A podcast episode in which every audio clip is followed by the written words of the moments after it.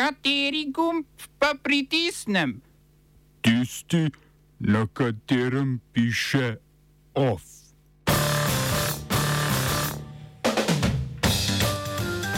Začetek odstranjevanja žične ograje na mejnem prehodu pri Metliki. Odstop italijanskega premijeja Marija Dragija, predsednik države odstopa ni sprejel. Šrilanški predsednik končno odstopil, novega bo izvolil parlament. Pentagonu letos skoraj 840 milijard evrov.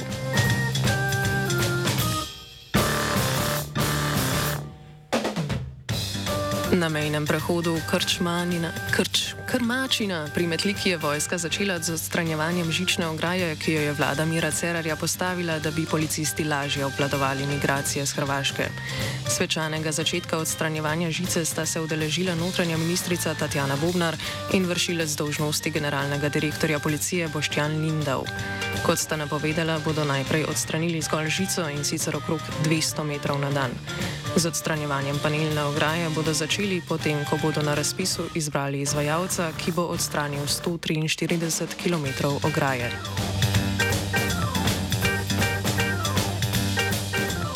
Na Ministrstvu za notranje zadeve obljubljajo novo migracijsko politiko, ki naj bi spoštovala človekove pravice, vladavino prava in temeljila na humanem odnosu do vsakega posameznika.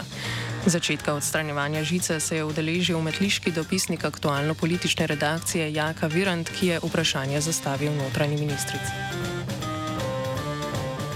Ali ta simbolno dejanje pomeni tudi spremembo na področju azilne politike, ki bo temeljila na spoštovanju človekovih pravic, ali pa direktnejše, ali se bo s tem končalo eh, s pushbacki na Hrvaško z ilegalnim zavračanjem migrantov?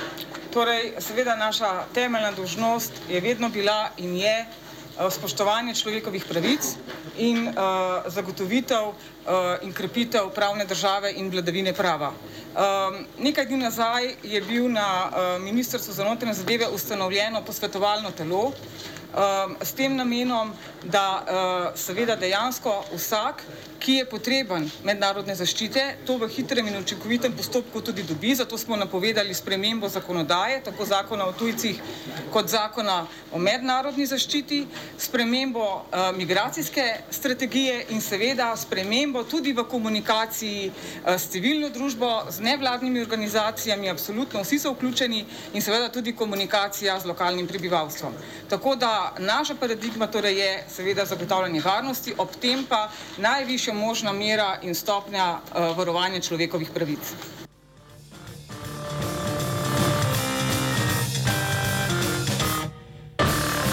Prvega srečanja posvetovalne skupine Ministrstva za notranje zadeve se je kot predstavnik nevladne organizacije Infokolpa udeležil Jušt Žagar. Srečanje delovne skupine, ki je potekalo pretekli teden na Ministrstvu za notranje zadeve, je izgledalo predvsem kot uvodni sestanek, v katerem se je ministrstvo predstavilo neko osnovno idejo spremembe politik na področju migracij.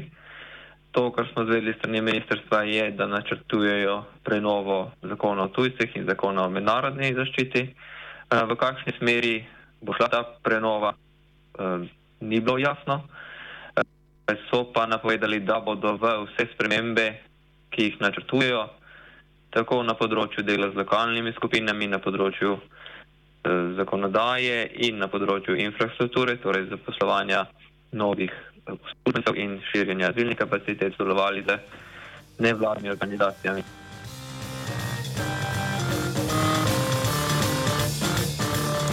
Ministrica za notranje zadeve Tatjana Bobnar, sicer tudi nekdanja generalna direktorica policije, se je ob začetku odstranjevanja žice začela ukvarjati tudi z relativnostno teorijo.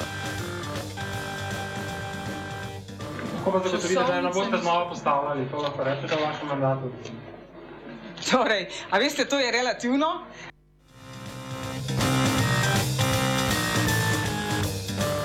Državni zbor je na včerajšnjih izrednih sejah sprejel zakon za zmanjšanje neenakosti in škodljivih posegov politike ter zagotavljanje spoštovanja pravne države, ki ga je uložil inštitut 8. marec.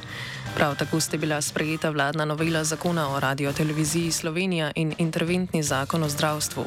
O predlogu novele zakona o dolgotrajni oskrbi bo državni zbor odločal na izredni seji prihodnji četrtek.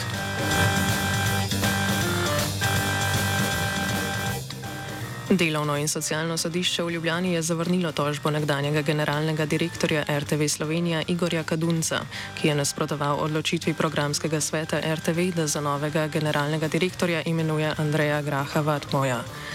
Kadunc je prepričan, da Grah Watmov ni izpolnjeval pogojev iz statuta in razpisa, a je sodišče odločilo, da je novi generalni direktor pogoje izpolnjeval. Kot vodstvene izkušnje je Grah Watmov navedel opravljanje funkcije direktorja svojih podjetij Grah in Partneri ter Londinium. Vodstvene izkušnje je dokazoval tudi s tem, da je bil en mandat član nadzornega sveta družbe tveganega kapitala Meta Genium ter dva mandata član nadzornega sveta RTVS. Sodišče je razsodilo, da je dovolj, citiramo, da ima izkušnje za vodenje, ne pa nujno vodstvenih oziroma izkušenj pri vodenju.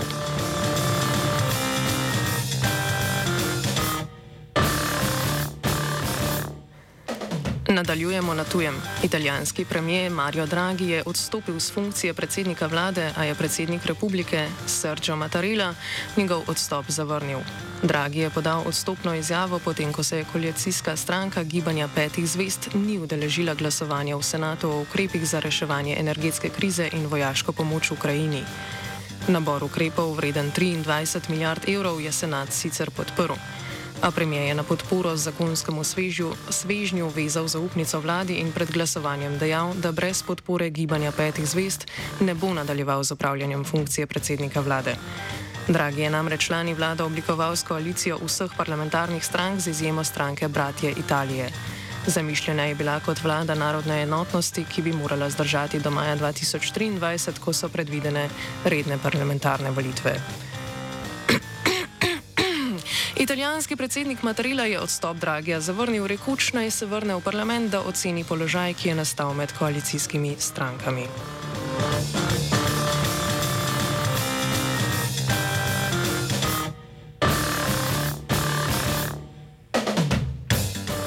Nestrinjanja med gibanjem petih zvest in Dragijem imajo dolgo brado, kot povod za umik podpore premijeju je služila izgradnja sežigalnice odpadkov v Rimu.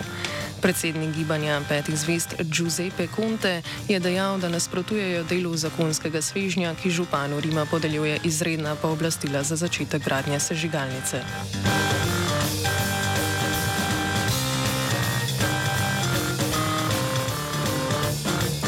Kitajska gospodarska rast je močno upadla zaradi ustavitve javnega življenja in gospodarske dejavnosti, ki jo je povzročil COVID. Bruto domači proizvod v državi se je med aprilom in junijem zmanjšal za 2,5 odstotka v primerjavi s prvim četrtletjem. Uradni podatki še zmeraj kažejo, da bo bruto domači proizvod v letošnjem letu dosegel od 3 do 4 odstotno rast. Padec bruto domačega proizvoda je povzročila tudi kriza v nepremičninskem sektorju, ki prispeva četrtino kitajskega bruto domačega proizvoda.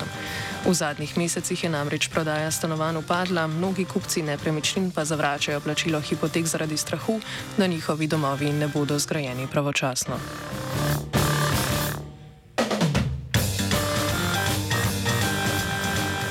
Šrilanški predsednik Gotabaja Rajapaksa je podal odstopno izjavo, ki jo je uradu parlamenta posredoval po elektronski pošti. Rajapaksa je odstopil po hudih izgredih v državi, pred katerimi je pobegnil v Singapur. Zdaj že nekdani predsednik je po mnenju protestnikov glavni krivec za bankrot države, ki si zaradi pomankanja tujih valut ne more privoščiti niti uvoza hrane, zdravil ali nafte. Protestniki so zahtevali odstop Rajapakse, ki je po njihovem mnenju odgovoren za krizne razmere in finančni zlom Šrilanke. Parlament je za vršilca dolžnosti predsednika imenoval Ranila Vikremesinga. Že na jutrišnji izredni seji bo parlament začel s postopki za izglasovanje novega predsednika države, ki ga ne bo volilo jezno ljudstvo, ampak parlament sam. Več o protestih in dogajanju na Šrilanki v kultivatorju ob peti uri.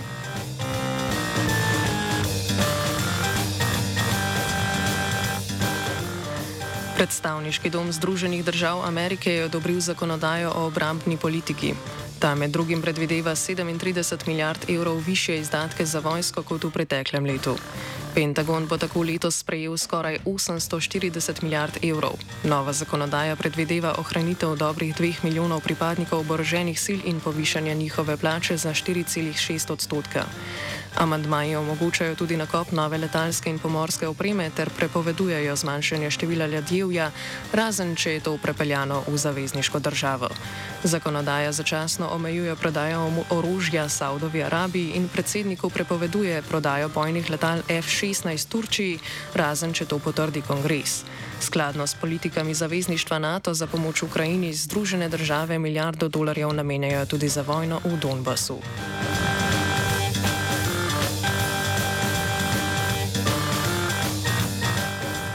Ameriški predsednik Joe Biden je obiskal Izrael in okupirano Palestino, kjer se je sestal s palestinskim predsednikom Mahmudom Abbasom. Biden je Palestini obljubil skoraj 100 milijonov evrov pomoči za bolnišnice v vzhodnem Jeruzalemu.